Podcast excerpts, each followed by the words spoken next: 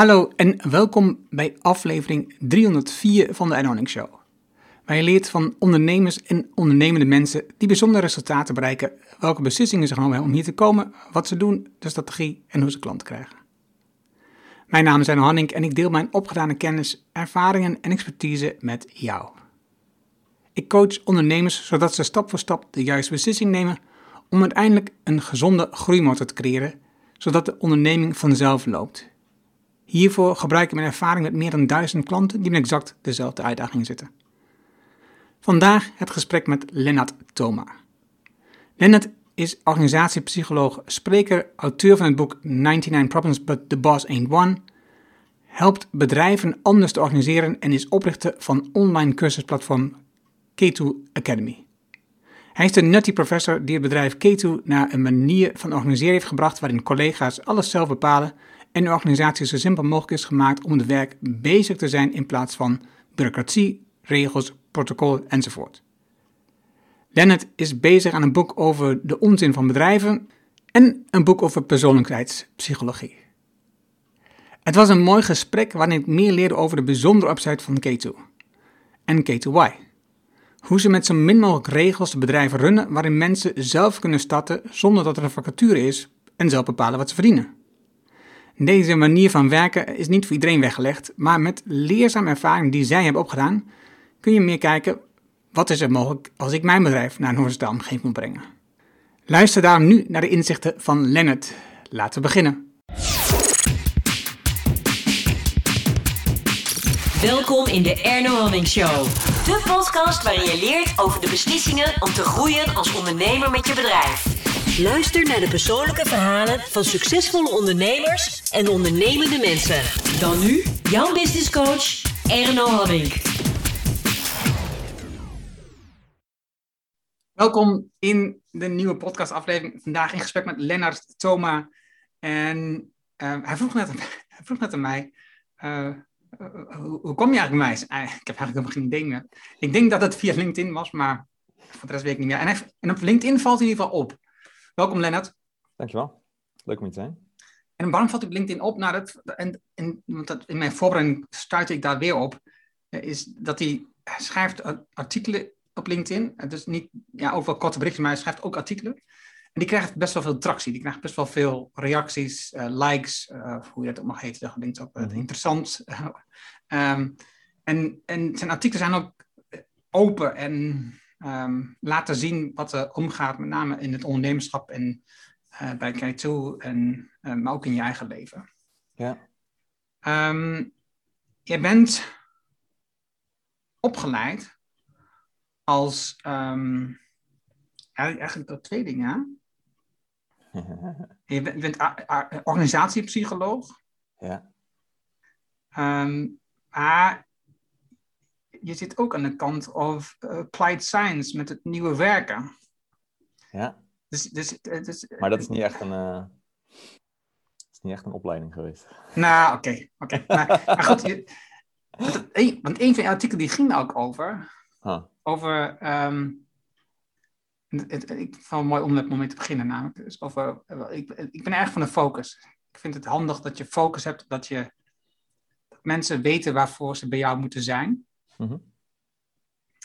En uh, ja, in jouw artikel schrijf je over um, uh, dat er ook gewoon ruimte moet zijn van generalisten. Yes. Uh, ben jij een generalist of ben jij een specialist? Generalist. Vind waarom, ik zelf. Ja, precies. Waarom, waarom, waarom, beschouw je jezelf als generalist? Omdat ik uh, van alles, ik vind heel veel dingen leuk en interessant. Het gaat echt van, nou ja, psychologie dan. Ik heb een psychologie-studie gedaan. Daarvoor heb ik een international business studie gedaan, omdat ik niet wist wat ik wilde doen. Gericht op Azië. Ik heb Japans gehad, ben naar Japan geweest, teruggekomen. Wist dat ik niks met Japan wilde doen, maar ik vond het wel interessant. Uh, maar ik weet, je wel, ik vind ook dingen als astronomie of paleontologie of zoek biologie, allemaal. Ik vind zoveel verschillende dingen interessant. We hadden het net over in de voorbereiding even over stoïcisme. Ik vind dat ook echt super boeiend, dat soort dingen. Dus mijn kennis is heel breed, maar niet per se diep. In ieder geval van weinig dingen diep, laten we het zo zeggen. Um, en uh, als ik heel erg de diepte ergens in moet gaan, dan verveel ik me al snel. En dan wil ik weer iets nieuws leren. Ehm, en ik ben wel een beetje in het hokje gedrukt van de, die gast die wat weet over zelfsturing, zelforganisatie, noem het maar op, wat we dan bij Kito.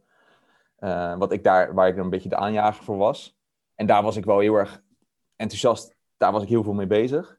En heb ik veel over geschreven enzovoorts. En daar krijg ik ook veel nou ja, tractie, noem het maar, op uh, uh, onder andere LinkedIn, zeg maar, voor. Maar dat is niet het enige wat ik interessant vind. Uh, en dat is ook, het is zelfs zo dat ik ondertussen al een beetje zoiets heb van, nou ja, ik ben er ook wel een beetje klaar mee eigenlijk. Weet je, zo, een beetje zo zelfs. dus dat het ook andere kanten op mag gaan. En, dus, in dat, en ik, weet je, dus wat ik nu ook doe, is ik, ik ben nog steeds organisatieadviseur. Ik help andere organisaties om stapjes te maken naar een plek waar meer vertrouwen is en meer verbinding en vrijheid en allemaal dat soort dingen.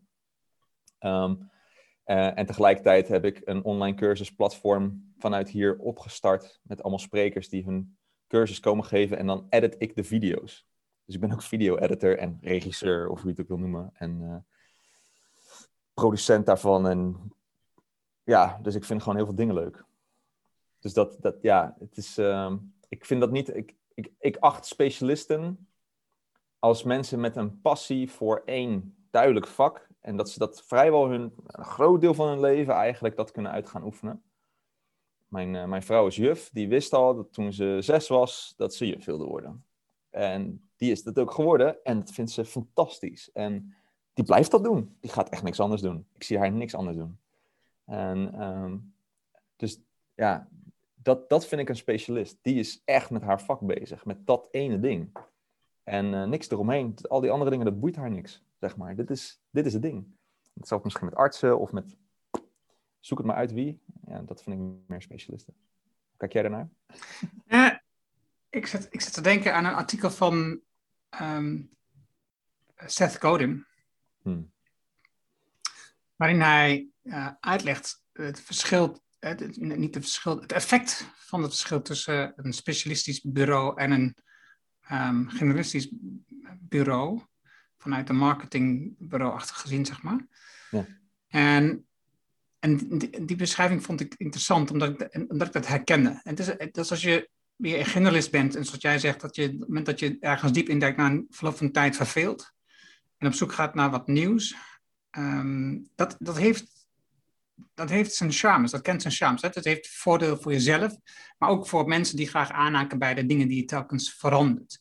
Het heeft ook nadelen, want mensen die zijn op een bepaald moment gewend aan een onderwerp van jou, zoals je net beschrijft, hè? Dus de verplatting van de organisatie. Ja. Um, en als jij dan een nieuw onderwerp gaat beginnen, dan raken ze de weg kwijt van wat je doet. En dat heb ik, heb ik heel veel meegemaakt. Ik heb, ben meerdere keren veranderd van onderwerp. En dat is voor mensen heel erg ingewikkeld. Mensen houden van duidelijkheid en vastigheid en dat je dat heel lang blijft doen. Daar, een bijkomend voordeel of nadeel, dat je het bekijkt, als je namelijk een specialist bent, stel je voor je bent een specialistisch marketingbureau, ja. die hebben een bepaald trucje ontdekt. En dat werkt enorm goed en daar blijven ze draaien. En daar verdienen ze heel veel geld mee. Ja. Een, een generalist die vindt telkens nieuwe trucjes en zit voor in de markt. Klopt. En ontwikkelt dat, steekt enorm veel tijd in om dat te ontwikkelen bij zichzelf en, en te promoten bij anderen, enthousiast over te zijn. En op het moment dat het echt wat wordt, die markt, is die alweer klaar ermee en gaat op zoek naar het nieuws. Klopt. En daardoor verdient hij eigenlijk daar veel minder mee. Ik wil niet zeggen te weinig, maar veel minder mee dan zou kunnen als je je meer zou specialiseren. En dat is een, iets wat ik zelf heel erg, ook heel erg herken. Ja. Um, ja, dus, dus, dus dat. dat.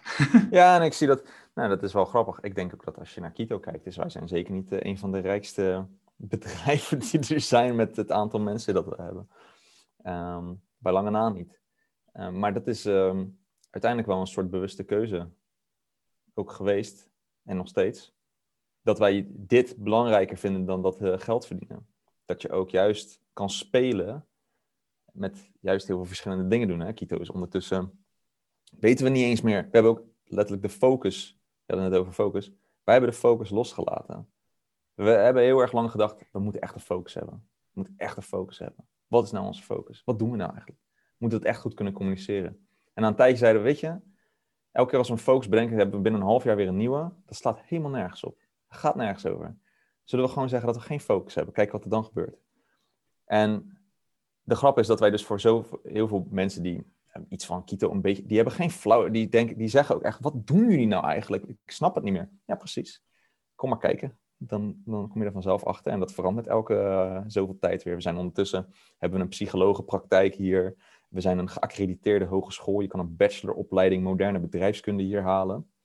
Uh, marketing, maar dus ook een online cursusplatform. We hebben een podcaststudio waar we andere mensen podcasts laten opnemen. Er wordt een Instagram cursus binnenkort hier gemaakt.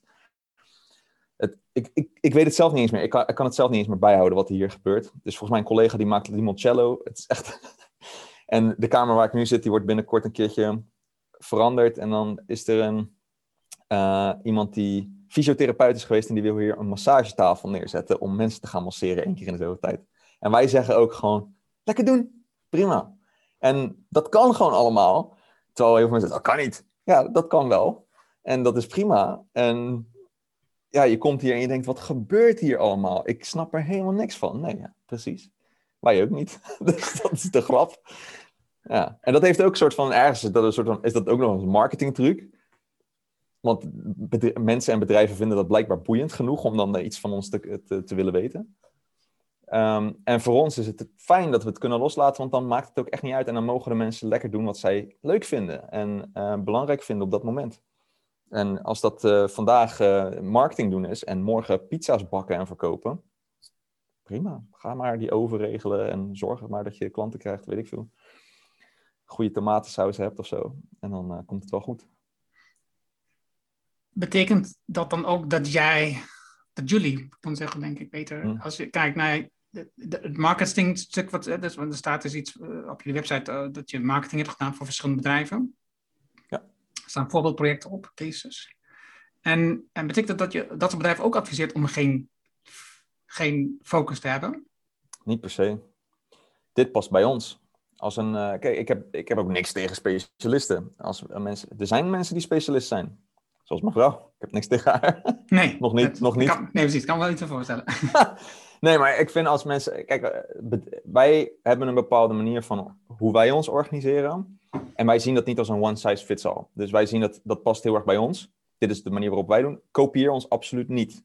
Dus als wij andere bedrijven organiseren, of als ik dat doe bijvoorbeeld, dan ben ik ook gewoon bij hun aan het kijken wat past bij de mensen die hier werken en de richting die gevoelsmatig ze op willen gaan, wat zou je dan moeten zijn? Moet je dan wel een focus hebben of niet? En nogmaals, die richting, dat kan. Ik heb het een keertje van iemand anders gehoord die zei: Het gaat niet soms per se om de stip op de horizon, maar soms om de hele horizon. En dan kan je nog naar links gaan of naar rechts gaan, maar het is in ieder geval die kant op, zeg maar. En dat is, nou ja, dat is een beetje wat bij sommige bedrijven dan speelt, dat ze meer ja, de hele horizon pakken en dan zien ze wel waar ze uitkomen. En anderen hebben een stip en beide is prima. En daar wil ik dan helpen, zeg maar, om uh, dat een beetje duidelijk te krijgen. Maar elk bedrijf moet lekker doen wat, zij, uh, wat, wat bij hun mensen past en waar zij zich goed bij voelen. En dat kan soms ook zijn heel veel geld verdienen. Ik heb daar niks mee. Um, ik hoef niet per se zoveel geld te verdienen. Ik verdien ook niet eens zo heel veel. Uh, maar dat maakt me geen zak uit. En want ik heb er genoeg aan, meer dan genoeg. Ik kan gewoon sparen zelfs. ik kan op vakantie wanneer ik wil. Um, kan uit eten wanneer ik wil. Ja, nu niet. Maar, ja. uh, hè, dus ja, dat zeg maar. In een nutshell. Ja. Wat, wat heeft ervoor gezorgd dat je deze levenshouding hebt? Dat is een goede vraag. Ik, um, ik denk, als ik kijk naar mijn eigen persoonlijkheid, ik lijk een, een beetje op mijn vader in dat opzicht. Die is heel emo ook emotioneel stabiel, dat ben ik ook. Dus uh, mijn vader zei dat was, hij is een flatliner. hij heeft geen pieken en dalen, hij gaat een klein beetje zo. Hij zal nooit overenthousiast uh, zo doen, maar hij zal ook, je zal hem ook nooit zien, uh, zien huilen of verdrietig zijn of zo. Hij is gewoon, gewoon steady. En af en toe een beetje lol maken en prima.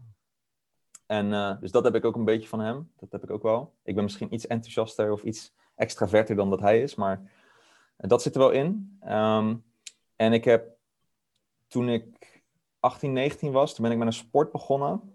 Dat heet tricking. Dat is best wel onbekend. Een beetje zo'n underground sport. Freerunning kent iedereen. Dus het lijkt een beetje op freerunning. Alleen wij sprongen dan niet van de daken af en dat soort dingen.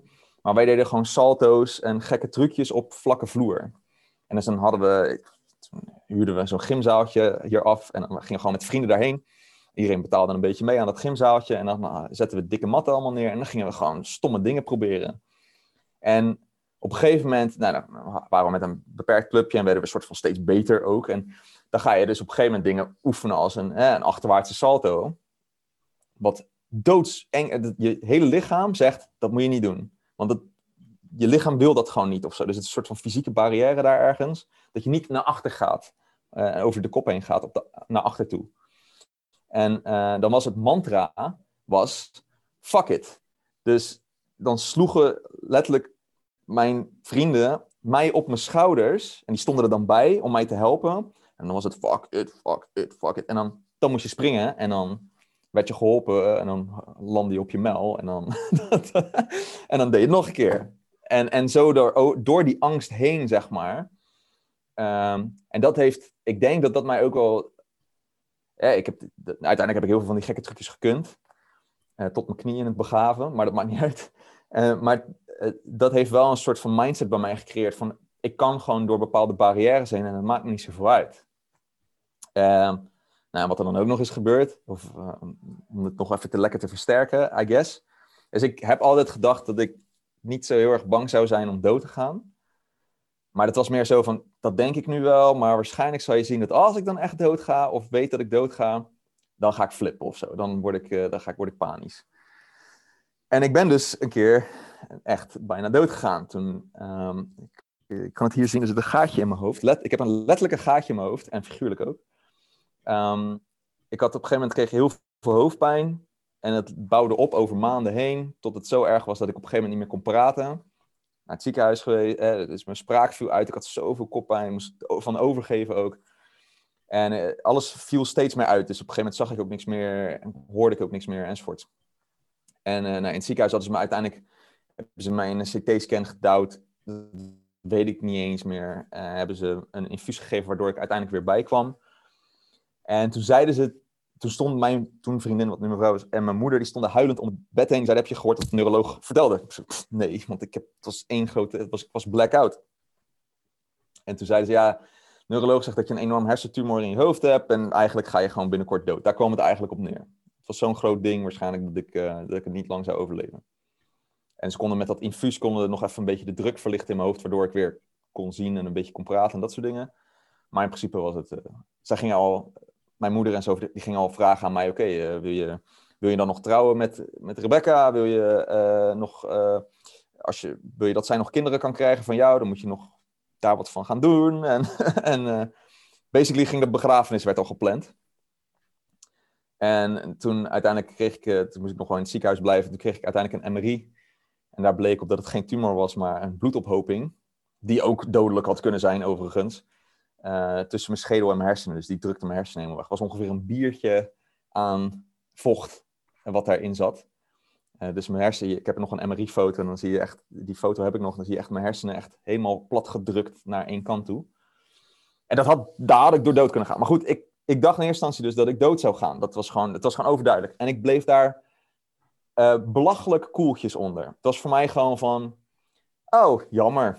Gewoon echt zo nou ja, weet je, ik vind het vooral vervelend voor de mensen om me heen. Ik vind het vervelend voor mijn vriendin. Ik vind het vervelend voor mijn ouders en uh, mijn broertjes en familie en vrienden en collega's. Maar ja, als ik dood ben, dan ben ik dood. En ja, iemand, iedereen moet een keer dood. Dus uh, weet je zo. Dus het was ook een soort van. En dat ik, dat, dat ik ook zo erover, er echt zo in zat, was voor mij ook echt een soort van realisatie van, nou, zie je wel, ik ben echt niet bang om dood te gaan. Het boeit me echt niet, blijkbaar. Of ja, het boeit me wel, ik wil niet per se dood. maar Um, het is, als het gebeurt, vind ik het niet erg. En um, het is oké zo. En dus dat is ook weer zo'n soort van, ja, hoe zeg je dat? Uh, ik denk dat het een beetje uh, nog meer zelfbewust heeft gemaakt dat ik uh, hè, weet wie ik ben of uh, dat ik daar dus geen moeite mee heb. En dus, ja, met bedrijven, ja, ik vind bedrijven, alles wat er in organisaties dan gebeurt en dergelijke, dat is voor mij, ja, hoe belangrijk is dat nou? Ik bedoel, we leven in Nederland. Als ik uh, mijn baan verlies, dan kom ik uiteindelijk een keertje in de bijstand of zo. Hè, of als ik geen werk heb. Uh, maar de kans dat ik weer ergens werk ga hebben, ik vind mezelf, al gezegd, slim genoeg. Ik denk dat ik wel iets te bieden heb aan een organisatie. En ik, ik, ik, schaam me, ik zou me ook niet eens schamen om vakken te gaan vullen bij de Albert Heijn weer of zo. Uh, of tomaten te gaan plukken in het Westland, waar ik vlakbij woon. Dat zou ik zelfs doen, als het echt zou moeten. Dus ja. dan stap ik over mijn schaduw heen en uh, hoppakee. Dus ja, wat kan er nou gebeuren? Dus ik kan allemaal gekke dingen doen in een organisatie. En dat doe ik dus ook. omdat, het, omdat het niet echt heel erg boeit. Dat. Nu heb, je, nu heb je dit gehad en in 2019 kreeg je nog weer een keer kanker. Ja, ook nog. Toen had je al, had je toen al één kind? Was mijn zoontje net een jaar en een anderhalf jaar. Ja. Nu ben je, nu ben je verwachting van een tweede, als het goed is. Klopt. Um, maar is, is daardoor je gevoel op de dood veranderd? Nee, gek, gek gezien niet. Ik, ah, ja, ook dat is een soort van. Uh, klinkt dan lekker groot, maar ook, ik zie dat een beetje. Dat is ook onderdeel van het leven. Er zijn heel veel mensen die, uh, die hun vader of moeder verliezen als ze nog jong zijn. En dus hun vader of moeder amper hebben, of nooit kennen, of amper kennen. En tuurlijk zou ik dat niet mijn zoontje of, mijn dochtertje die er dus aankomt, ook een koningskoppel, die, uh, die zou ik het niet gunnen om mij niet te hebben, om geen vader te hebben. Maar ja, als het gebeurt, dan gebeurt het. En daar kan ik over inzitten, uh, maar dat gaat ook niet helpen. Het feit dat ik erover in ga zitten over zoiets. Dus, if it happens, it happens. Mm-hmm. En um, vervelend voor hen, tuurlijk. En het, het is... Uh, um, ja, het is ook niet alsof ik heel veel voorzichtiger per se ben gaan doen. Ik, ben, uh, ik heb mijn motorrijbewijs uh, in de zomer gehaald. En, dus ja, ik weet niet. Dus ik ben nog steeds een beetje een wappie op dat vlak. Dat ik, ik, ik, heb nog nooit, ik heb wel gebungee jumped. Ik moet nog een keer skydiven. Dat gaat sowieso een keer gebeuren. Weet je, en dan ben ik ook zo iemand die dan echt gewoon, als ze dan 3, 2, 1 zeggen, dan spring ik al bij 2, zeg maar. Weet je wel. Dus weet je, dat soort dingen, ja, dat blijf ik gewoon doen, omdat, ja, dat vind ik, daar haal ik natuurlijk ook mijn energie vandaan. En uh, ik ga niet minder leven, ook omdat zij er zijn, op een of andere manier, om dan maar beschermend te zijn of voorzichtig te zijn of dat soort dingen. Um, ik ben soms wel eens onvoorzichtig. Maar tegelijkertijd ook, ja, ik ben niet zo onvoorzichtig. Is niet alsof als ik een maloot op, uh, op de motor rijd. Ik bedoel, ik rijd pas net en ik heb geen zin in een ongeluk of zo. Dus ik ga dat niet opzoeken. Maar um, ik ben ook wel een beetje een adrenaline-junkie. Dus uh, af en toe een beetje dat gas opentrekken bijvoorbeeld. Dat doe ik wel, ja. Is, het, is het zo met je bedrijf dat je daar ook in principe niet over nadenkt wat er gebeurt als jij er niet bent? Nou ja, daar zit het ook een beetje van dat... Ik, ik, ik denk daar wel over na, maar het, nogmaals, het zit me niet zo heel erg in de weg. Dus ik, weet, uh, ik, ik denk ook na van, nou ja, wat zou er gebeuren uh, als het failliet gaat? Of um, uh, wat gebeurt er als ik weg ben? Gaat het dan de verkeerde kant op? Gaat het dan nog wel bestaan? gaan ze, zakken ze dan weer terug in de traditionelere manieren van werken of iets dergelijks? En misschien is dat zo. En um, ik denk ook soms wel eens dat daar, daar wel een, een soort terugval in is. Of dat de Kito-ei, dat is dus het een soort van sub-BV'tje wat dan soort van mij is of wat ik heb opgestart.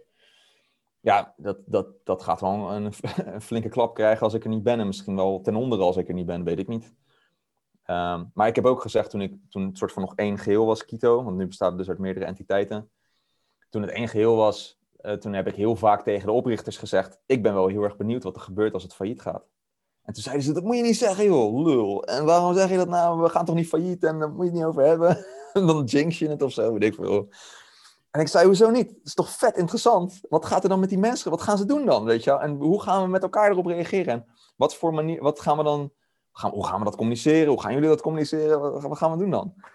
Gaan we dan opeens heel hard of eh, toch nog proberen te redden? Of zegt iedereen, ik verlaat het schip? Ik was gewoon wel nieuwsgierig. En dus, en dus zij zeiden van, je bent echt gek. En toen, maar na een tijdje, het grappige is dat zij nu, zitten zij precies hetzelfde in de wedstrijd. Dus zij hebben ook zoiets van, ja, weet je, we willen niet dat het failliet gaat, want dat wilde ik ook niet. Alleen als het gebeurt, dan is het misschien meer een interessante exercitie om mee te maken. En is het helemaal niet zo erg. Ik bedoel, wat is nou het ergste wat er kan gebeuren? En dan, um, ik had toevallig net nog... er kwam een ehm, potentiële stagiair die hier wil stage komen lopen. En bij Kito Y is, wij nemen geen mensen aan, ook geen stagiairs. Die mogen zichzelf aannemen. Dus die bepalen hun eigen contracten, voorwaarden en stagevergoeding als het een stagiair is. En uh, begin maar wanneer je wil beginnen, maakt mij helemaal geen zak uit. Ik, ik zie het wel, ik teken wel wat ik moet tekenen. En als ik moet begeleiden of iets moet goedkeuren, fijn. En uh, dus die kwam hier en die, uh, nee, die stelde wat fijn. Dus ik vertelde dan, hey, je mag zelf dus aannemen. En je mag alles zelf bepalen. En die zat ook zo. Maar, maar wat dan als het fout gaat? Ik zeg, ja, dan gaat het dus fout. Prima toch? Wat is fout? Als, het, uh, als we geen geld meer hebben aan het eind van de maand en we kunnen jouw stagevergoeding niet meer betalen omdat je ook hartstikke veel hebt gevraagd, dan is het heel simpel. Dan gaan we gewoon met elkaar in gesprek. Dit is wat er op de rekening is. Dit is wat er eigenlijk wat iedereen vraagt. Dat matcht niet. Wat gaan we doen? En dan praten we het wel uit. Komen we er wel uit. Kom maar goed. En als we er echt niet uit, ja, weet je, als, uh, het kan ook zijn dat we geen geld hebben die maand, dat iedereen geen salaris krijgt. Nou, ja, weg. Dat. En dan zien we wel weer verder. En als de mensen dan weg willen gaan, dat is het risico al, dat kan ik je nu al vertellen, dat het risico is om bij ons te komen werken. Dat het dus ook wel eens helemaal naar de kloten kan gaan. En daar zit je dan middenin. En dan heb je pech gehad. En dan moet je klanten hebben die geld opleveren. Nou, dan heb jij in ieder geval nog je salaris waarschijnlijk. En anders heb je een probleem. Als je dat een probleem vindt. Ik zit te denken aan het, een stukje uit het boek van uh, James Altucher. Uh, zijn nieuwste boek Skip the Line. Hmm. En um, een van de elementen waar hij het over hebt is experimenteren. Dus als je, uh, dus als je het wilt valideren, dan kun je over dingen heel lang nadenken. Je kunt ontzettend lang uh, iets bedenken hoe het zou gaan vormen. Je kan ook een experiment opstarten. En, en ik ben gewoon voorstander dat je dus heel veel experimenten op, op, gaat starten. Dus niet per se heel veel, maar in ieder geval dat je zo snel mogelijk een experiment opstart. En, die, en hij werkt altijd met tien ideeën, dus uh, schrijft dan tien ideeën op. Kies degene die de minste um, negatieve consequenties heeft, waarbij je het snelste het kunt organiseren. Ja. En in principe zijn er twee uitkomsten. Het experiment slaagt, dus uh, je hebt je idee bewezen, dus ga door, breid het uit, ga, weet je, ga aan de slag. Het experiment, experiment mislukt. En dat is geen falen, dat is namelijk leren. Je hebt iets geleerd. Ja. En dus je kunt het volgende, het volgende experiment uh, starten, want deze werkte niet. Ja.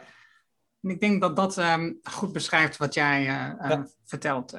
Ja, en er zijn ook, dat, dat hangt een beetje samen met een beetje de manier waarop wij hier besluiten maken. We hebben een beetje een paar van die soort van stijlregeltjes, weet je, die ken jij vast ook wel. Uh, it's better to ask for forgiveness than to ask for permission. Uh, dus uh, je kan maar beter sorry zeggen achteraf dan dat je eerst toestemming gaat vragen. Hier kan je toestemming vragen aan wie dan ook, maar iedereen gaat je gek aankijken. En het ook wat jij zegt, precies dat het, hè, is, it, is good enough for now and is it safe enough to try? Do it. Um, en wij hebben zelf een ding is, doe wat je niet laten kan en laat wat je niet maken kan. Dus een beetje die combinatie van dat soort dingetjes maakt dat je gewoon dus in principe inderdaad lekker kan experimenteren. En ik ben ook inderdaad, ik word hier wel eens de Natty Professor genoemd, omdat uh, ik allemaal van die experimentjes hier naar binnen heb getrokken, omdat het mij dat leuk leek en wilde zien hoe dat, hoe, dat effect ging hebben op de mensen hier, als een soort sociaal experiment. Uh, dat vond niet altijd iedereen leuk, maar ja, daar leerde ik inderdaad ook van. En het andere ding is wat je zegt, is, hè, dat hebben ze ook, uh, bij mijn oude opleiding was een, een professor die daarmee bezig was, die deed dan onderzoek naar prestatiemodus en leermodus. Dus wat ze dan deed is, uh, dat ging dan met groepen mensen die, uh, die sollicitant waren, die dus bij het UWV zaten of iets dergelijks, die dan moesten solliciteren. Hadden ze drie groepen. deden ze dan in het experiment. De controlegroep, daar zeiden ze niks tegen. Dan had je de prestatiemodusgroep, daar zeiden ze tegen, ga zoveel mogelijk solliciteren. Want hoe meer je solliciteert, des te sneller kom je aan een baan. En punt. Dus dat is een prestatiedoel, heel veel solliciteren. En succes. En je moet een baan hebben, zo snel mogelijk. En dan als de derde groep was de leermodusgroep. En daar zeiden ze tegen. Het belangrijkste voor jou is, is dat je bij elk sollicitatieding wat je doet, is dat je er wat van leert. Dus ook als je een sollicitatiebrief schrijft, leer daarvan hoe je het schrijft. Kijk er nog een keertje naar. Hoe wordt daarop gereageerd? Als je een gesprek hebt, word je afgewezen, maakt niet uit. Dat, het gaat erom dat je daar ook wat van leert. Wat, wat pik je daaruit op? Nou, welke van de drie uh, kwam als eerste aan de baan? De leermodusgroep de controlegroep, dat was bagger. De prestatiemodusgroep, dus het feit dat je een doel hebt, dat is al heel goed. Dat doet al iets. Alleen wat er daar gebeurde is dat zij kregen een aantal keer nee en dan haakten ze af. Want dan was dat te veel druk of eh, waren ze gestrest daarover? Oh, ik heb weer een nee gehad, nou, laat maar. En de leermodusgroep die bleef maar doorgaan tot ze een baan hadden, want ja, dat was geen falen. Alles was goed. Uh, alles was een leermoment. Dus die bleven maar solliciteren, eigenlijk wat de prestatiemodusgroep had geleerd. Die bleef maar solliciteren, dus kregen ook een baan. En uh, dat is ook een beetje hoe ik, ja, ik zie het ook allemaal als één grote leerschool. Alles wat ik doe, probeer, zeg, uh, schrijf, ja, het hoeft niet allemaal perfect te gaan. En het hoeft zeker, eh, niks is perfect. En het hoeft ook niet te slagen. Het hoeft ook niet goed te zijn. Ik hoef ook geen likes te krijgen of iets dergelijks. Het is gewoon voor mij een soort van grap. Soms probeer ik wel eens dit, soms probeer ik wel eens dat. En dan kijken wat er werkt en wat er niet werkt. En dat vind ik gewoon leuk om uit te proberen. Wat triggert mensen, wat triggert mensen niet? Wat vind ik prettig om te hebben? Als je, als je het hebt over bijvoorbeeld uh, op social media dingen doen uh, dan ja, het algoritme die wil bepaalde, hè, die wil bepaalde stelligheid of bepaalde schreeuwerigheid, soms zonder hè, dat, zo'n inhoudloze stelligheid bijvoorbeeld. Ja, ik snap dat dat likes op gaat leveren, maar ik heb daar niks mee. Ik vind het stom als je heel schreeuwt om heel veel likes te hebben, maar ja, eigenlijk zeg je niks. Ja, doe dan lekker niks. Weet je? Dan is het alleen maar ruis op de lijn. En dat, nou, dus daar ben ik, doe ik dat liever niet in. Ik wil wel iets brengen. En soms zit er ook wel een stom geintje in. Um, en dan kan ik me weer verbazen over het feit dat ik um, inhoudelijk goede, vind ik dan aardige posts heb. En die brengen het dus dan amper gekeken. En toen heb ik een keertje, ik had toen, ik reed in een Tesla Model S. Voor de gein.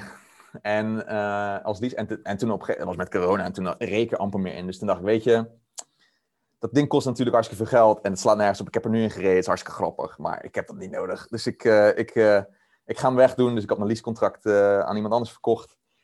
En ik heb toen een of andere oud barrel heb ik gekocht. En toen had ik foto's gemaakt van beide auto's. En die had ik zo onder elkaar gezegd van deze top was, zeg maar. Had ik, ik heb nu een Citroën Xara Picasso uit 2004 met een hele dikke deuk en roestplek aan de zijkant. In dat super lelijke beige waarvan wordt gezegd, beige kies je niet. Beige, dat dat komt op je af, zeg maar. Dat krijg je of zo. Dat is de kleur.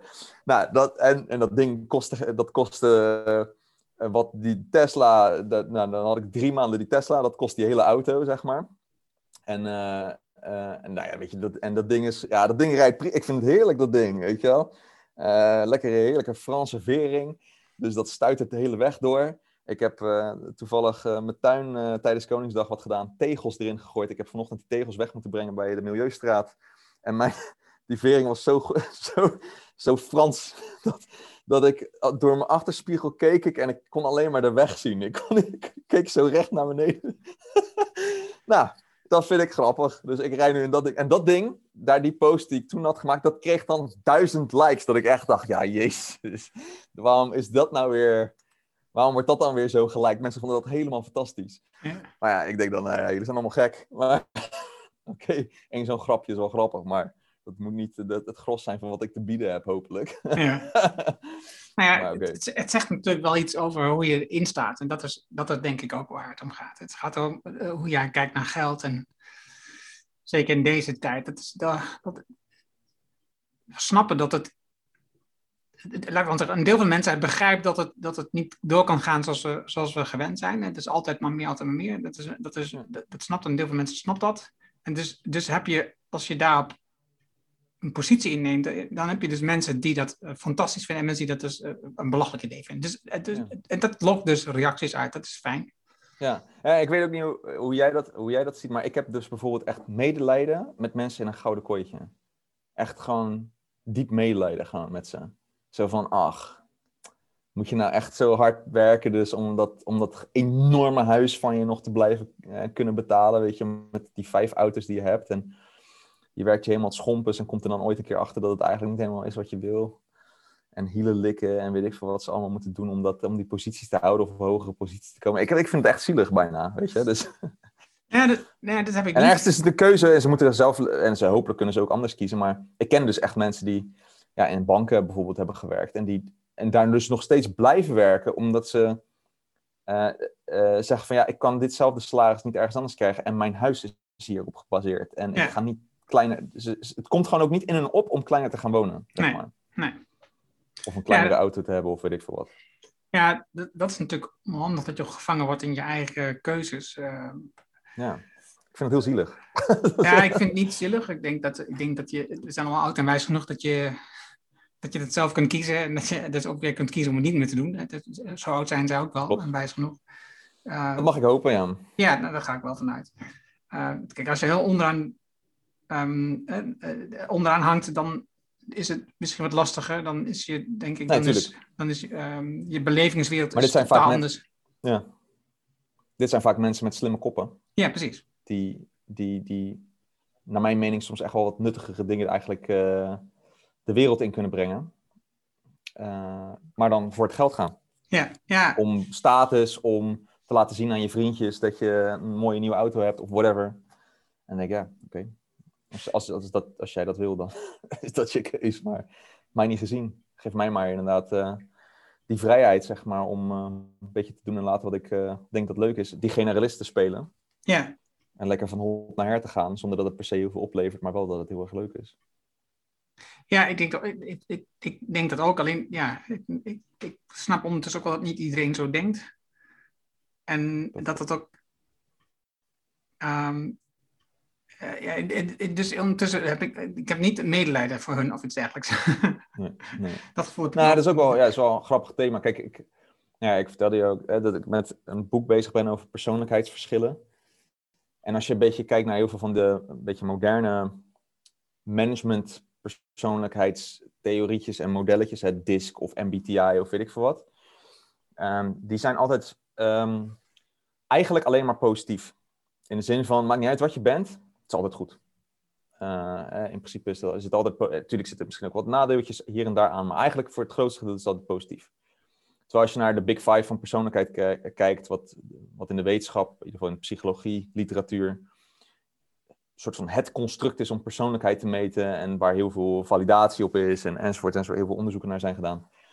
Daar heb je gewoon een duidelijke persoonlijkheidstrek waar we het ook een beetje over hebben gehad, neuroticisme, tegenover emotionele stabiliteit. En mensen die hoog scoren op neuroticisme ervaren gewoon veel meer negatieve emoties. Ze hebben dus ook sneller psychische aandoeningen, uh, sneller in een burn-out, uh, zijn angstiger, hè, zijn, zijn sneller boos, zijn sneller gefrustreerd. Uh, relaties gaan ook moeizamer met, als je met zo iemand ook in een relatie hebt. Dus waar het meestal zo is, is dat eh, op de andere dimensies, als je ongeveer gelijk bent, dan dat is fijn, zeg maar. Dan, dan, hè, dan kan je elkaar niet helemaal gelijk, maar ongeveer gelijk is, is, is fijn om te hebben. Dan heb je een prima, kan je elkaar in vinden. Je gaat vaak ruzie hebben ook op de punten waar je hè, iemand die rommelig is tegenover iemand die dat niet is, of iemand die extravert is tegenover die, iemand die introvert is. Ja, dat, de ene wil allemaal vrienden over de vloer en de ander wil liever op Netflix, naar Netflix kijken met een theetje. Dat matcht niet. Maar op neuroticisme, als je allebei neurotisch bent, dan heb je echt een, een nou, volgens de literatuur, een verschrikkelijke relatie. Want dan ben je alleen maar aan het vechten.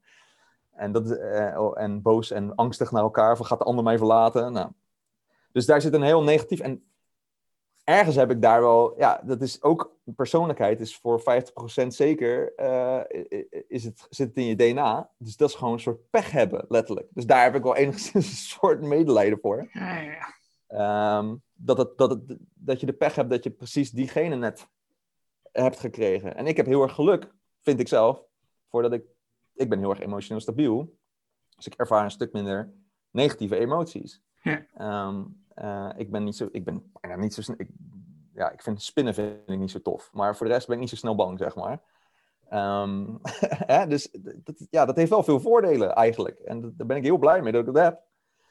Ja, een beetje vervelend voor de mensen die dat niet hebben. Dus, en het, ja, is beetje een soort van net als dat je medelijden kan hebben met iemand die misschien in, uh, in een verschrikkelijk land wordt geboren waar uh, genocides plaatsvinden en weet ik veel wat allemaal. Ja, dat is verschrikkelijk. Ja, daar heb ik wel medelijden enigszins mee.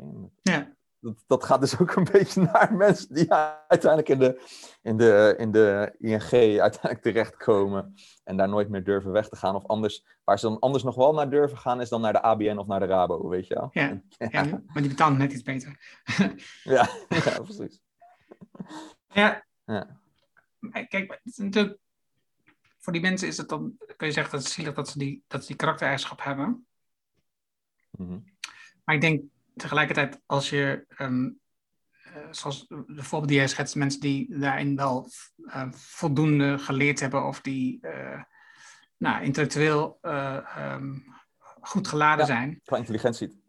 Ja, dan, Dat is dan- ook een geluk. Precies, Mhm. dat is ook een geluk. En, en, maar dat, dan kunnen zij ook daar meer over nadenken. Van, nou ja, dit, is, dit is wel een keuze die ik bewust maak. Hè, wat je zegt. Hè. Dus, eh, dus ik, ik, ik, ik, moet hier blijven werken omdat mijn huis. En, en, en ik noem een kleine. Dat zijn wel keuzes die ze maken. Ja, zeker. er gelukkig van wat, dat is wat anders. Het is wel een keuze. Ja, en eh, ja en nee. Dat is een leuke discussie gelijk.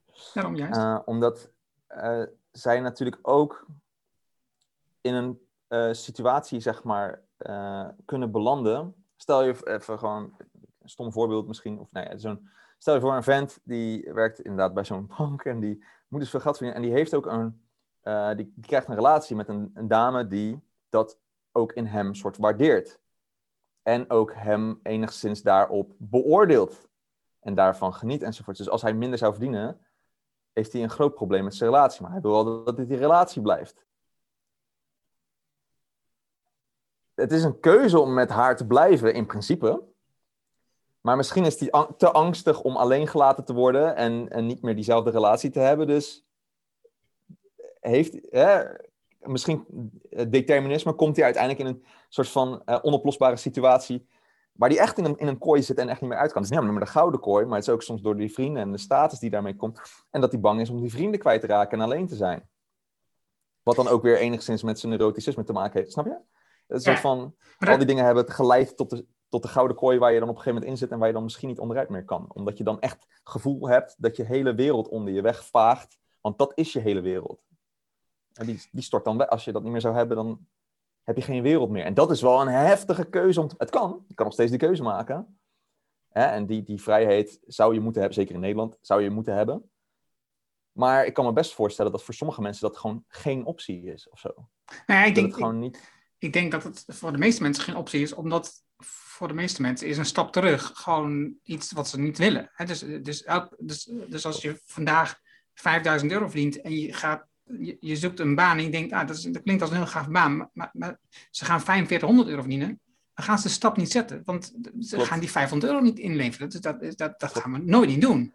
Nee. Dat is, maar dat is wel het gros van, van de mensen die zo, die zo zijn. En dat komt omdat we natuurlijk enorm worden aangemoedigd ehm, door de omgeving, door de maatschappij, Dat het meer, meer, meer is. maar zeker door bedrijven. Omdat die meer winst willen maken, willen ze ons meer spullen verkopen en blijven ons inprenten dat meer ehm, goed voor je is. En dat, het, dat je nog niet goed genoeg bent. En dat je ehm, een ander kapsel nodig hebt, een andere shampoo, een andere tandpasta, een andere lamp, een andere auto. Want Ja. Ja. het is niet goed genoeg wat je nu hebt. Ja, ik vind het ook wel mooi hoe dat een beetje in, de, in, de, in het nieuws of in de media, eh, ik lees bijvoorbeeld de correspondent daar ook, hè, dat ze natuurlijk heel erg zeggen van, ehm, de komende generatie gaat het slechter hebben dan de, voor, dan de generaties daarvoor. En dan denk ik, in wat voor opzicht bedoel jij slechter? Wat is dan, eh, financieel gezien slechter? Oké.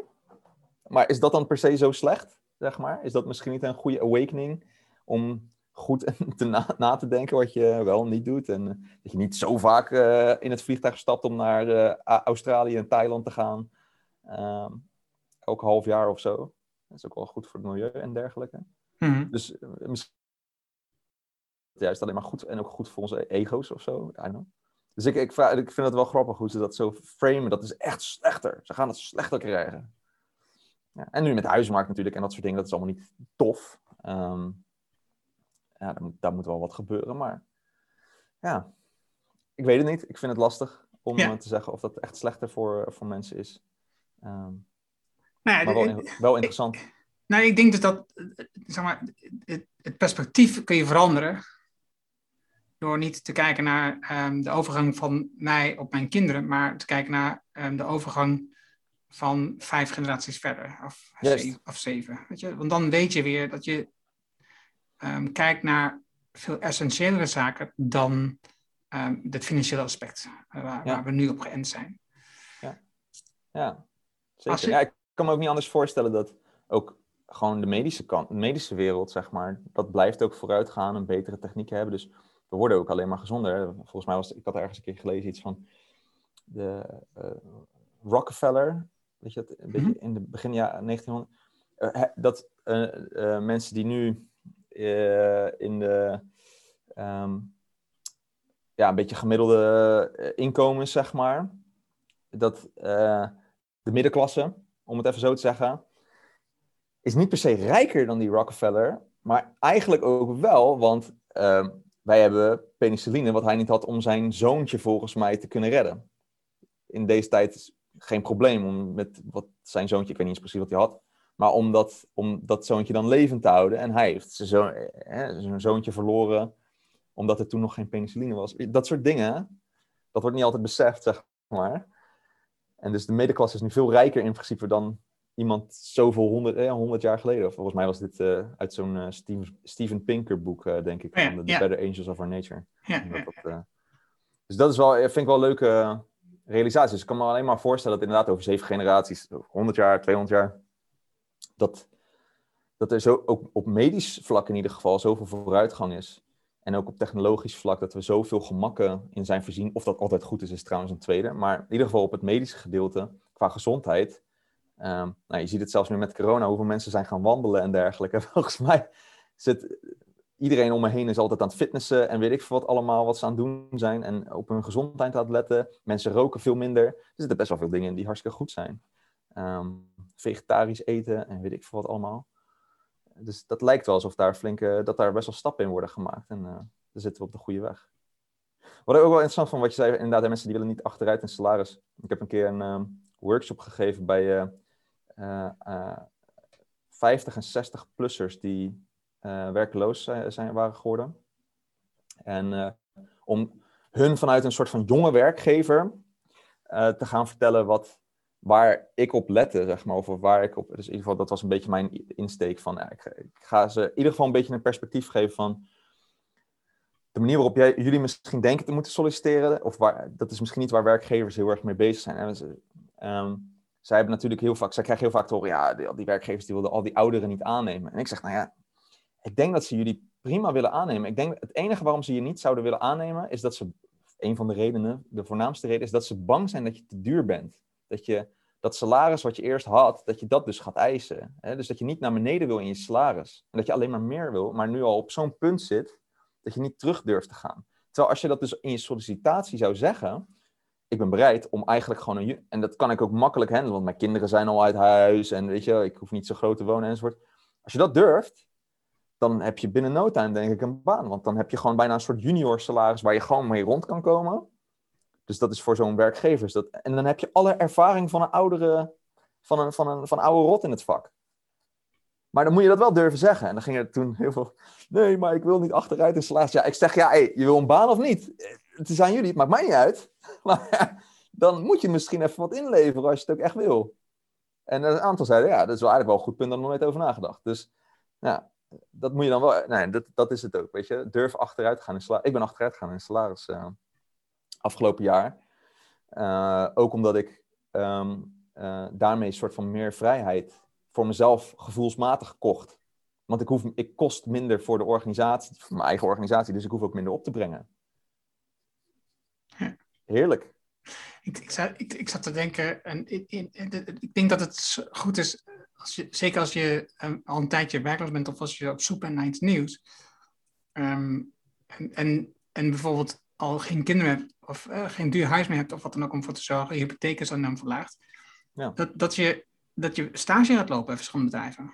Precies. Dat- dus, dus dat je opnieuw ontdekt wat eigenlijk verschil. Wat, wat, want ik zie het bij mensen in mijn omgeving dat zij ook vastklampen aan de werkzaamheden die ze ervoor hebben gedaan. Niet alleen loon, maar ook de werkzaamheden. Dat, ze hebben het gevoel dat dat het enige is wat ze kunnen. Klopt. En ik zou En denken, dat is niet zo. ga verschillende sta- stages lopen, zodat je ontdekt dat je nog veel meer kan. Want je kan veel meer. Het is, als, ik naar, als ik naar je kijk en ik zie welke dingen je allemaal doet buiten je werk, dan zijn er zoveel dingen die ik denk die je zou kunnen oppakken. In plaats van weer hetzelfde werk doen wat je eigenlijk niet leuk Ja. vindt onderhand meer. Ja, ja. Ehm, Ja. ik, ik, vraag ja. je bent in Japan geweest. Ja. En ehm, wat is daar het belangrijkste wat je geleerd hebt? Wat is wat je nog steeds meeneemt? Ik heb dus daar vier maanden gezeten. Ja, wat mij daar. Zij hebben. Dat, het is zo'n andere wereld, Japan. ehm, zo'n andere cultuur. En voor mij was dat, dat, dat is gewoon de, soort van de grootste les is. Wat ik, wel, wat, ik daar heel, wat ik daar heel mooi vond, was dat ongelooflijke vertrouwen wat ze in elkaar hebben. En hoe netjes ze dus zijn hè, richting elkaar. Je kan daar je portemonnee in principe bij de metro op een bankje achterlaten, weglopen. Of je dure camera, maakt allemaal niet uit. Dan loop je weg, kom je terug, ligt die er nog. Weet je, of uh, al ga je een dag weg. Um, uh, ik, had ook, ik, werd ook geprept, dat was wel grappig. Ik werd geprept van tevoren van uh, een soort, kreeg een soort cultuurtraining. Van je, je gaat een cultuurschok krijgen als je daar bent. Dus daar was ik al helemaal op voorbereid. Dus toen ik daar kwam, toen heb ik die culture shock ook helemaal niet gekregen. Die kreeg ik pas toen ik weer terug in Nederland kwam. Want toen was ik heel erg panisch van, heb ik mijn portemonnee? Zitten niet mensen, weet je, hier worden dingen gejat. Gewoon heel, een soort onveiliger gevoel dan wat ik daar had. Want daar heb je de politie, die daar bijvoorbeeld, die hebben zo weinig te doen dat zij zoeken die mensen kwijt zijn geraakt. En uh, zij geven relatieadvies aan. Je kan daar dus naar het politiebureau gaan voor relatieadvies. Hier natuurlijk dat je denkt, huh? Maar ja, dat, daar hebben ze zo weinig te doen, dat ze dat doen. En dus ja, dat vond ik wel heel erg mooi. Uh, dus daar zit een, aan de ene kant zo'n heel erg vertrouwen kant, toch wel in elkaar of in de samenleving. Maar de paradox, wat dus een soort van heel erg interessant was, met dat zij hè, uh, juist ook weer heel erg wantrouwend zijn als het gaat om de organisaties en werk. En dat is een van de redenen dat ik daar absoluut niet mee wilde, wilde werken of mee zou willen samenwerken of iets dergelijks, omdat dat zo um, juist weer op wantrouwen dan weer is gestoeld. Als je daar uh, gaat afstuderen van de universiteit, dan verwachten ze dat je een jaar voordat je afstudeert eigenlijk al aan het solliciteren bent. Um, en dat je direct na je afstuderen, dus je, ze studeren ergens af in april, volgens mij, rond deze periode. En dan uh, uh, op vrijdag, en dan moet je maandag, moet je die eerste werkdag hebben. Doe je dat niet, dan is de kans dat je uiteindelijk werkloos blijft voor de rest van je leven, is nogal aanwezig. Dus echt, dus als je daar met, er zijn best wel wat zwervers in Japan. Als je daarmee praat, die zijn, die kunnen, in Japan kunnen ze bijna geen Engels, maar die zwervers die kunnen Engels. Want die zijn allemaal hoog, die zijn best wel hoog opgeleid en die hebben het gewoon een keer verprutst ergens, somewhere along the way. En, uh, en, die komen nooit meer ergens aan de bak, want als je ergens bent, dan ben je daar voor je, de rest van je leven. En uh, als je zou gaan uh, wisselen van baan, dan vertrouwen ze je niet, want dan denken ze, wat is er mis met jou? Waarom heeft die andere werkgever jou niet gehouden? Dan is er vast iets mis. En dat, is, dat vind ik zo... Dat, dat vind ik zo verschrikkelijk, soort van ergens. Dat, en dat, ja, dat nam ik heel erg mee naar Nederland terug. Van zo, dat, dat zou ik echt niet willen. Ik wil, dat, dat moet echt niet in een organisatie gebeuren. En ik wil heel graag andere organisaties helpen om precies niet dat te doen. Juist de totaal andere kant op te gaan. Ja. Ja, en voor de rest gewoon heel boeiend. Ja, die, die mensen, ja, het, ik vond het heel boeiend allemaal. Hoe ze ja, dat lijkt mij ook. Ik, het, het, staat nog wel op mijn lijst dat ik, als het, als het nog als het een keer lukt dat ik daar naartoe ga. Ja, het is, uh, het is, uh, het, het, het is heel bijzonder hoe, als je een beetje de cultuur inderdaad, weet je, dingen als kleine dingetjes ook, uh, wat dan heel erg grappig is, is dat je, je hebt dat karaoke natuurlijk, dat is daar, maar die Japanners die kunnen helemaal niet tegen drank, hè, dus dat is, dat, en ik dacht dat het een fabeltje was, maar dat is echt zo, dus die drinken één biertje en hun lever die trekt dat niet, dus die zijn gelijk die zijn gelijk katje lam. En dus dan ga je naar een karaokebar en dan ben je eigenlijk binnen een half uurtje ben je al klaar, want dan zijn ze al lam en dan, zitten liggen ze te slapen op de bank. En dan ben jij net begonnen, denk je, ik heb pas twee biertjes op, wat? Maar dat is wat ze daar hebben is, dat heet Nomi Hodai. En dat is um, om drinken. En dat is natuurlijk een geniaal concept als je Japanners als klant hebt, maar niet als je Westelingen als klanten krijgt. dus wij gingen naar van die karaokebarren die dat hadden. En dan uh, kreeg ik kannen met bieren achter elkaar, weet je. En dat ging gewoon door en dat geen probleem. Maar dat was geweldig. En ik weet ja, we hebben nog een of andere plek daar getrashed. Dat was, maar ze blijven dan allemaal heel aardig en weet ik veel wat allemaal. Ja, dat, vond ik echt, dat soort kleine dingetjes, dat vond ik echt zo geniaal. En uh, ja. dat was tien jaar geleden, elf jaar?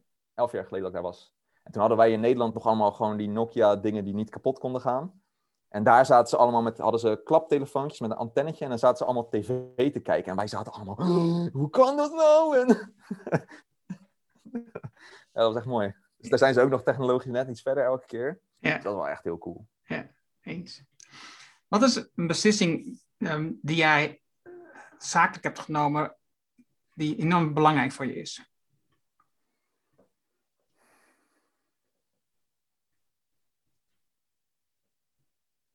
Ik denk wel. Um, echt dat punt dat ik mezelf niet per se limiteer tot één dienst of product. Ja. Ik denk dat dat voor mij persoonlijk in ieder geval ehm, als een soort bewuste keuze, want ik, ik voelde me wel echt geneigd of ge, gedwongen bijna om dat wel te hebben. Om daar wel een soort van duidelijke keuze in te maken met een businessplan, een rug. Ehm, maar dat ik daar echt expliciet niet voor heb gekozen, dat is wel echt. Uh, dat heeft echt veel, uh, veel rust gegeven op een bepaalde manier. Veel, uh, en ook bewegingsruimte. En juist ook uiteindelijk heeft het heel veel opgeleverd door dat zo te doen. ja. Hoe, hoe, heb je dat proces dan gedaan om die keuze te maken op dat moment? Ja, ik denk dat dat wel echt um, gewoon door de jaren heen, voordat ik dus ik ben eerst in dienst gegaan. Ik was afgestudeerd. Ik ben toen eigenlijk gelijk bij Kito begonnen. Dat kwam ook omdat ik uh, met mijn afstudeeronderzoek deed ik bij 16 organisaties deed ik mijn onderzoek. En één daarvan was Kito.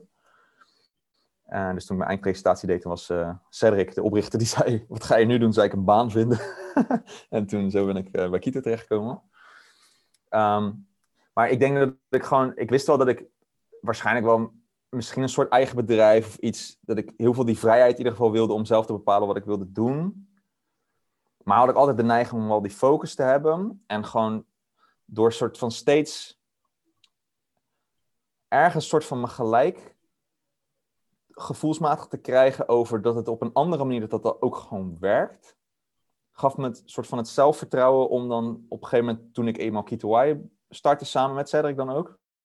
Uh, om dan gewoon te zeggen, oké, dus we gaan wel nu even dit doen, maar misschien doen we over een jaar weer dat. En dat is niet erg. En uh, kiezen we hier echt voor? Ja, dat, dat, voelt wel lekker, zeg maar, dat we niet aan iets vastzitten en we zelf, onszelf niet in een hokje plaatsen. En, uh, want Cedric ook, die had, dus wij spar heel veel over, want hij had juist ook, hij had ook heel erg de neiging toch, we moeten echt een focus hebben, of we moeten echt een productenlijn hebben of zo. En um, nou op een gegeven moment hadden we dan een productenlijn ehm, we hadden drie producten. Dat was uh, uh, bla, bla bla en bla bla bla. En afhankelijk van hoeveel wij kletsten, betaalde je dus meer. En, en, dat verkochten we dan ook zo aan bedrijven. Want in principe wat wij doen is alleen maar, we komen bedrijf binnen, we zijn alleen maar aan het kletsen. En uh, zijn zoontje of zo, die had gezegd: Papa, jij bent ook alleen maar aan het uh, kletsen. Hè? Bla bla bla bla bla. Dat zei hij tegen mij. Toen zei ik: Oh, dat is een goed, dat kunnen we als. Je wilt toch een productenlijn? Dan is dat onze productenlijn. Ja, ja, ja, goed idee. En toen was heel vervelend, want er was bij inkoop, zo'n grote organisatie met zo'n inkoopafdeling. En die kreeg dan de offerte waar dan op stond: bla bla. Als een product, zeg maar. Met dit kost het. En dat zij zeiden: Wat is dit? En dan kregen we dat weer terug via de manager. En stond ook op de factuur vonden ze niet zo leuk soms. Maar dat vonden wij wel heel grappig. En daar heb ik met die managers gelukkig ook om kunnen lachen. Anders namen ze me niet aan. Maar, uh, maar dat, ja, dus we hadden heel erg de neiging om die toch die focus ergens nog wel ergens soort te pakken. Maar op een gegeven moment hebben we gezegd, weet je, doe dat lekker niet. Het is ook, het, helpt ons niet. Het, het, het, gevoelsmatig beperkt het ons of zo. In ook een beetje de creatieve vrijheid dan, om het maar even zo te zeggen. Om gewoon een beetje te doen en laten waar we op dat moment zin in hebben. En uh, uh, ja, laten we gewoon lekker doen waar we echt zin in hebben op dat moment. Als het uh, morgen iets anders is, doen we morgen wat anders. Prima toch? Waarom zouden we onszelf beperken? Ja, en dat, dus ja, een beetje raar, ja, veel in discussie daarover geweest en toch wel misschien een focus geprobeerd en dat ook niet helemaal gelukt, te experimenteren eigenlijk. En toen op een gegeven moment gezegd, weet je, dit, is, dit, dit slaat nergens op joh. Het zit alleen maar moeilijk te doen. Laten we nou even niet moeilijk doen. Ja, want dat is ook een beetje onderdeel van wat wij proberen. Heel erg dingen simpel te maken. Waarom al die regeltjes en protocollen en uh, dingen uitdenken, inderdaad, die plannen uitdenken en begrotingen maken. We zien het wel. Als we volgende maand geen geld hebben, we volgende maand geen geld. Ja, oeps. Dan moeten we even, eh, dat zien we wel een beetje aankomen. Dus uh, dat komt, dan moeten we wat harder werken of even mensen gaan bellen. En anders hebben we even wat minder. En andere keer hebben we weer wat meer. Mooi. Dan kunnen we dat eventueel oppotten of aan bier besteden of zo. Ik ga zo lekker mijn Vrijmibo in. ja. Heb je tot nu toe vooral meer gehad? Meer, qua geld bedoel je? Ja, dat, je, dat, je, dat, dat het wel allemaal uitkomt? Nee, niet per se. Ik denk dat het een beetje break-even is, uiteindelijk. En daar heeft corona zeker niet aan meegeholpen in de zin. Als, dit, als corona er niet was, dan had ik misschien wel nu hier gezegd dat het meer was. Maar corona gaf wel echt een flinke klap. Want ik, ik had twee opdrachtgevers op dat moment. Uh, toen uh, de lockdown kwam. En die zeiden letterlijk allebei gelijk: Kom maar niet meer. Doei. En uh, toen had ik geen opdrachtgevers meer. En er was ook geen enkele andere opdrachtgever die zei: Ja, kom maar hier. Dus toen ben ik Kito Academy, die online cursusplatform, die daar waren we al mee bezig daarvoor, voor corona zelfs. Om dat rustig gaan op te starten. En dat was een soort van lange termijn project. En toen, zeide, toen zei ik, ik ga nu hier vol gas op zitten. Want ik wil gewoon dat dit, uh, dat dit gaat slagen. En ik ga, wel, ik ga wel kijken of ik investeerders kan uh, vinden.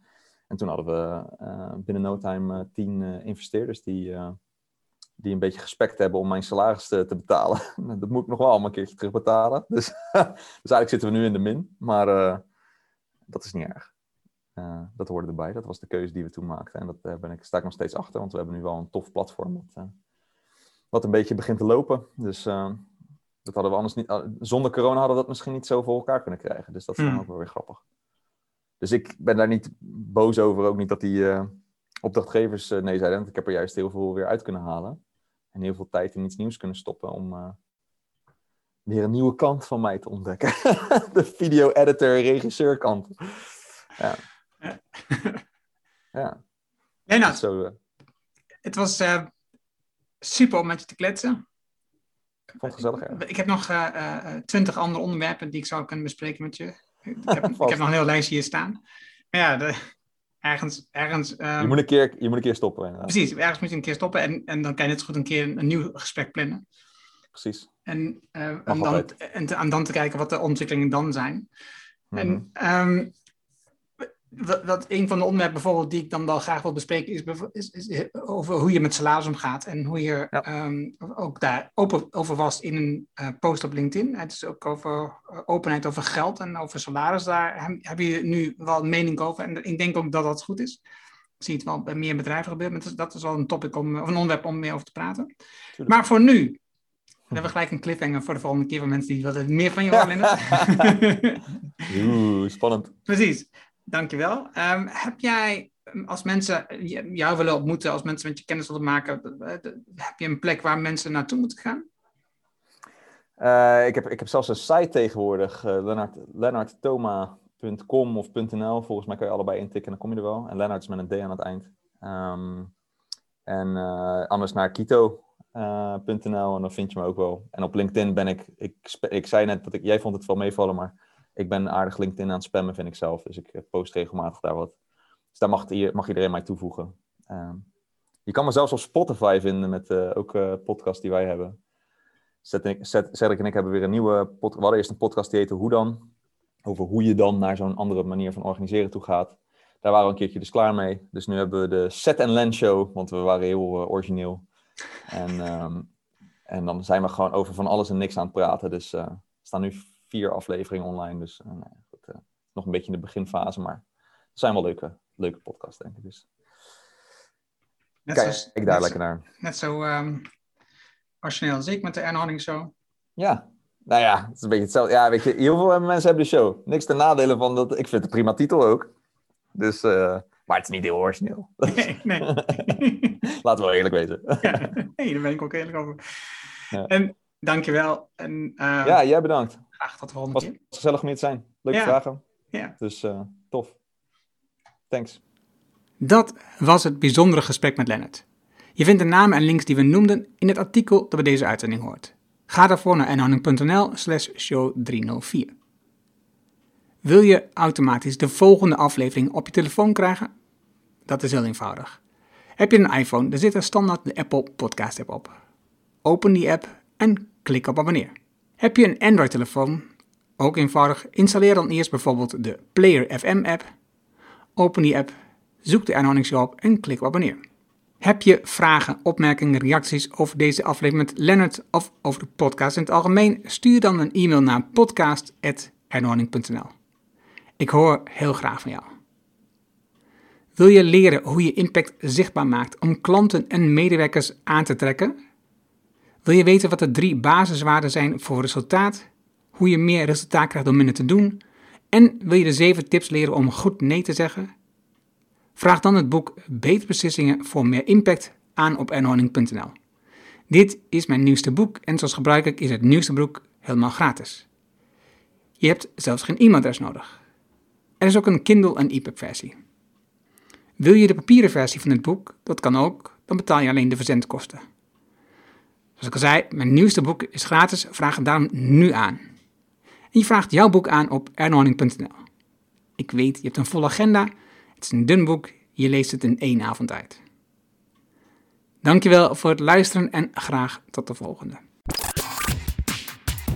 Dankjewel voor het luisteren naar de Erno Hanning Show op ernohanning.nl.